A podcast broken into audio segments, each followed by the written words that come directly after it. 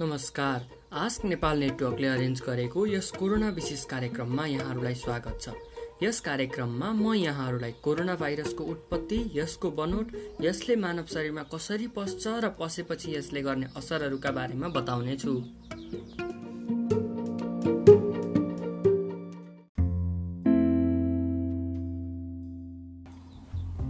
December दुई हजार उन्नाइसमा चाइनाको युहान प्रदेशमा लगातार रूपमा मानिसहरूमा संक्रमण बढेको नोटिस गरेपछि चाइनाले संसारलाई यस भाइरसको बारेमा जानकारी गराएको थियो।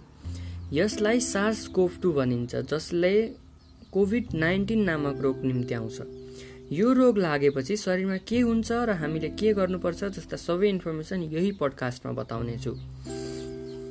भाइरस भनेको एक निर्जीव र सजीव बीचको अवस्था हो। त्यसैले बायोलोजीको भाषामा यसलाई intermediate between living and non living organism भनिन्छ। यस भाइरसको स्ट्रक्चर हेर्ने हो भने यसको बाहिरी सतहमा प्रोटिनका काँडाहरू हुन्छन्।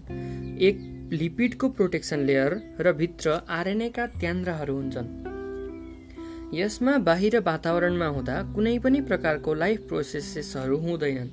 यसले लाइफ प्रोसेसहरू सञ्चालन गर्न कुनै एक होस्ट अर्थात् जीव जनावरको सहायता चाहिन्छ। यो वास्तवमै पैसा थुकका छिटाहरूबाट सर्ने भए तापनि अहिलेसम्म कति समय वातावरणमा आफैमा रहन सक्छ भन्ने यकिन छैन। अब कुरा गरौँ यो भाइरस कसरी सर्छ र यसले मानव शरीरमा पसेर के के गर्न सक्छ भन्ने बारेमा। कोभ टू भाइरसका केही पार्टिकल्सहरू तपाईँको लङ्समा जान्छन्। तपाईँको श्वास नलीको थ्रुबाट। कोभ टू भाइरस प्रायःजसो एक सङ्क्रमित व्यक्तिबाट अर्को ब्यास सर्ने भनेको ड्रपलेट इन्फेक्सनबाट हो। जब यी इन्फेक्टेड ड्रपलेट्स व्यक्तिको अनुहार आसपासबाट उसको विन्ड पाइपमा पस्छन् र त्यहाँबाट सुरु हुन्छ यसको सङ्क्रमणको स्टेज। यो भाइरस हेल्दी व्यक्तिको नोज माउथबाट भित्र पसेर हजुरको फोक्सो आन्द्रा र फियो स्प्लिनमा जान्छ। र यी अङ्गमा यसको सर्वाधिक असर हुन्छ। अब तपाईँको फोक्सोमा गएर कोभ टू भाइरसले के गर्न सक्छ भन्नेमा चर्चा गरौँ। फोक्सोको बाहिरी सतहमा एपिथेलियल टिस्युको एउटा लेयर हुन्छ।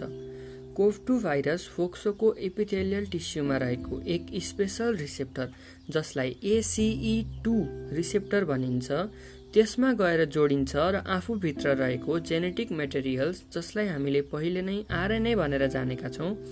हाम्रा इपिथेलियल टिस्युको सेलमा इन्जेक्ट गर्छ। सेल जसमा भाइरसको आरएनए इन्जेक्ट गरिएको हुन्छ उसले आफूलाई दिएको इन्स्ट्रक्सन टु रेप्लिकेट अर्थात् आफूलाई दुगुनादेखि त्यहाँदेखि चौगुना त्यस पछाडि आठ गुना गरेर बढाइरहने इन्स्ट्रक्सन फलो गर्छ। यसले लगातार डुप्लिकेटिङ गरिरहन्छ जबसम्म त्यस सेलको सेल मेम्ब्रेन ब्रस्ट अर्थात् फुट्दैन। अन्त्यमा जब त्यो इन्फेक्टेड सेल ब्रस्ट हुन्छ जसले हजारौँ नयाँ कोभ टू पार्टिकल्स रिलिज गर्छ। यही कार्य लगातार भएर तपाईँको शरीरमा जारी रहन्छ र लगभग दस दिनमा करोडौँ सेल्सहरू सङ्क्रमित हुन्छन् भने अरबौँको सङ्ख्यामा कोभ टू भाइरस पार्टिकल्स तपाईँको फोक्सोमा हुन्छ। अहिलेसम्ममा तपाईँको शरीरमा भाइरसले खासै धेरै असर पार्न सकेको हुँदैन। तर जब तपाईँको शरीरको इम्युन सिस्टम अर्थात् रोग प्रतिरक्षा प्रणालीले कोफ्टुलाई एट्याक गर्न थाल्छ तब तपाईँलाई गाह्रो पर्न थाल्छ। जब इम्युन सिस्टमले इम्युन सेल्स रिलिज गर्छ टु फाइट द भाइरस उनीहरू आफै केही मात्रामा इन्फेक्टेड हुन्छन्। इम्युन सेल्सहरू एक अर्काबीच कम्युनिकेट गर्न साना कम्युनिकेसन प्रोटिन जसलाई साइटोकाइन्स भनिन्छन् प्रयोग गर्छन्। अब कुरा ती इन्फेक्टेड इम्युन सेल्सको जब ती इन्फेक्टेड सेल्सले साइटोकाइन्स रिलिज गर्छन् त्यो समयमा इन्फेक्टेड भएकाले। अत्याधिक धेरै रिलिज हुन्छ जसले गर्दा धेरै मात्रामा इम्युन सेल्स रिलिज हुन्छन् र शरीरका इन्फेक्टेड र अनइन्फेक्टेड दुवै प्रकारका सेल्सलाई ड्यामेज गर्छन्।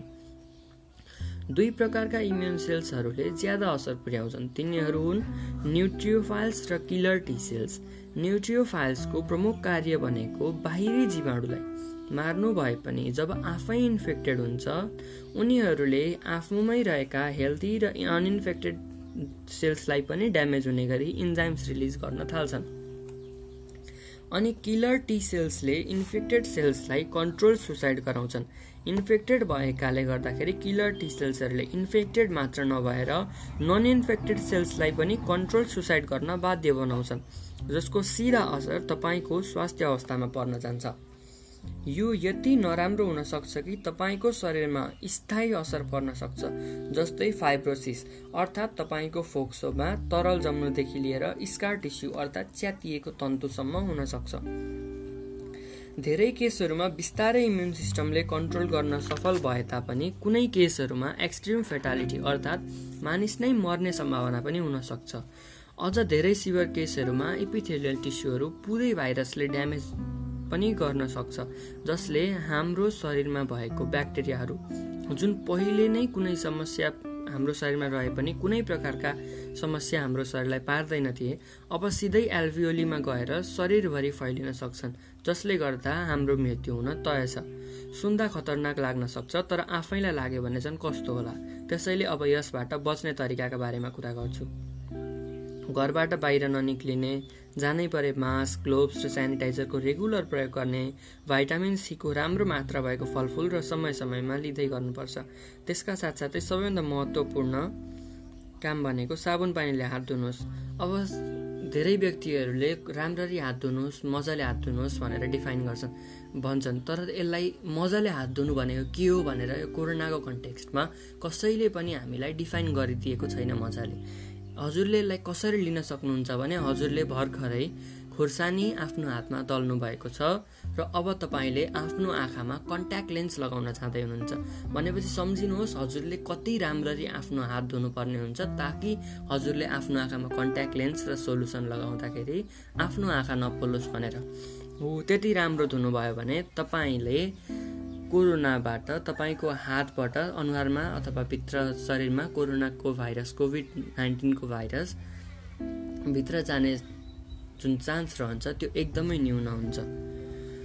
माथि भनिएका सबै कलेक्सन सम्पादन मैले म प्लवन घिमिरेले गरेको हुँ। यस कार्यक्रमको होस्ट म प्लवन घिमिरे आज यहीँबाट बिदा हुन चाहन्छु। यसका सोर्सहरू भनेको डब्लुएचओको वेबसाइट रेडिटका कयौँ पोस्टहरू र डक्टर माइक युट्युबमा रहेका डक्टर माइकले हजारौँ डक्टरहरूसँग गरेको इन्टरभ्यूसँग सम्बन्धित भएर लिएका साथसाथै सयौँ राष्ट्रका आफ आफ्ना हेल्थ मिनिस्ट्रीका वेबसाइटहरू र अन्य कोभ टूसँग सम्बन्धित वेबसाइटहरूबाट लिएको हो।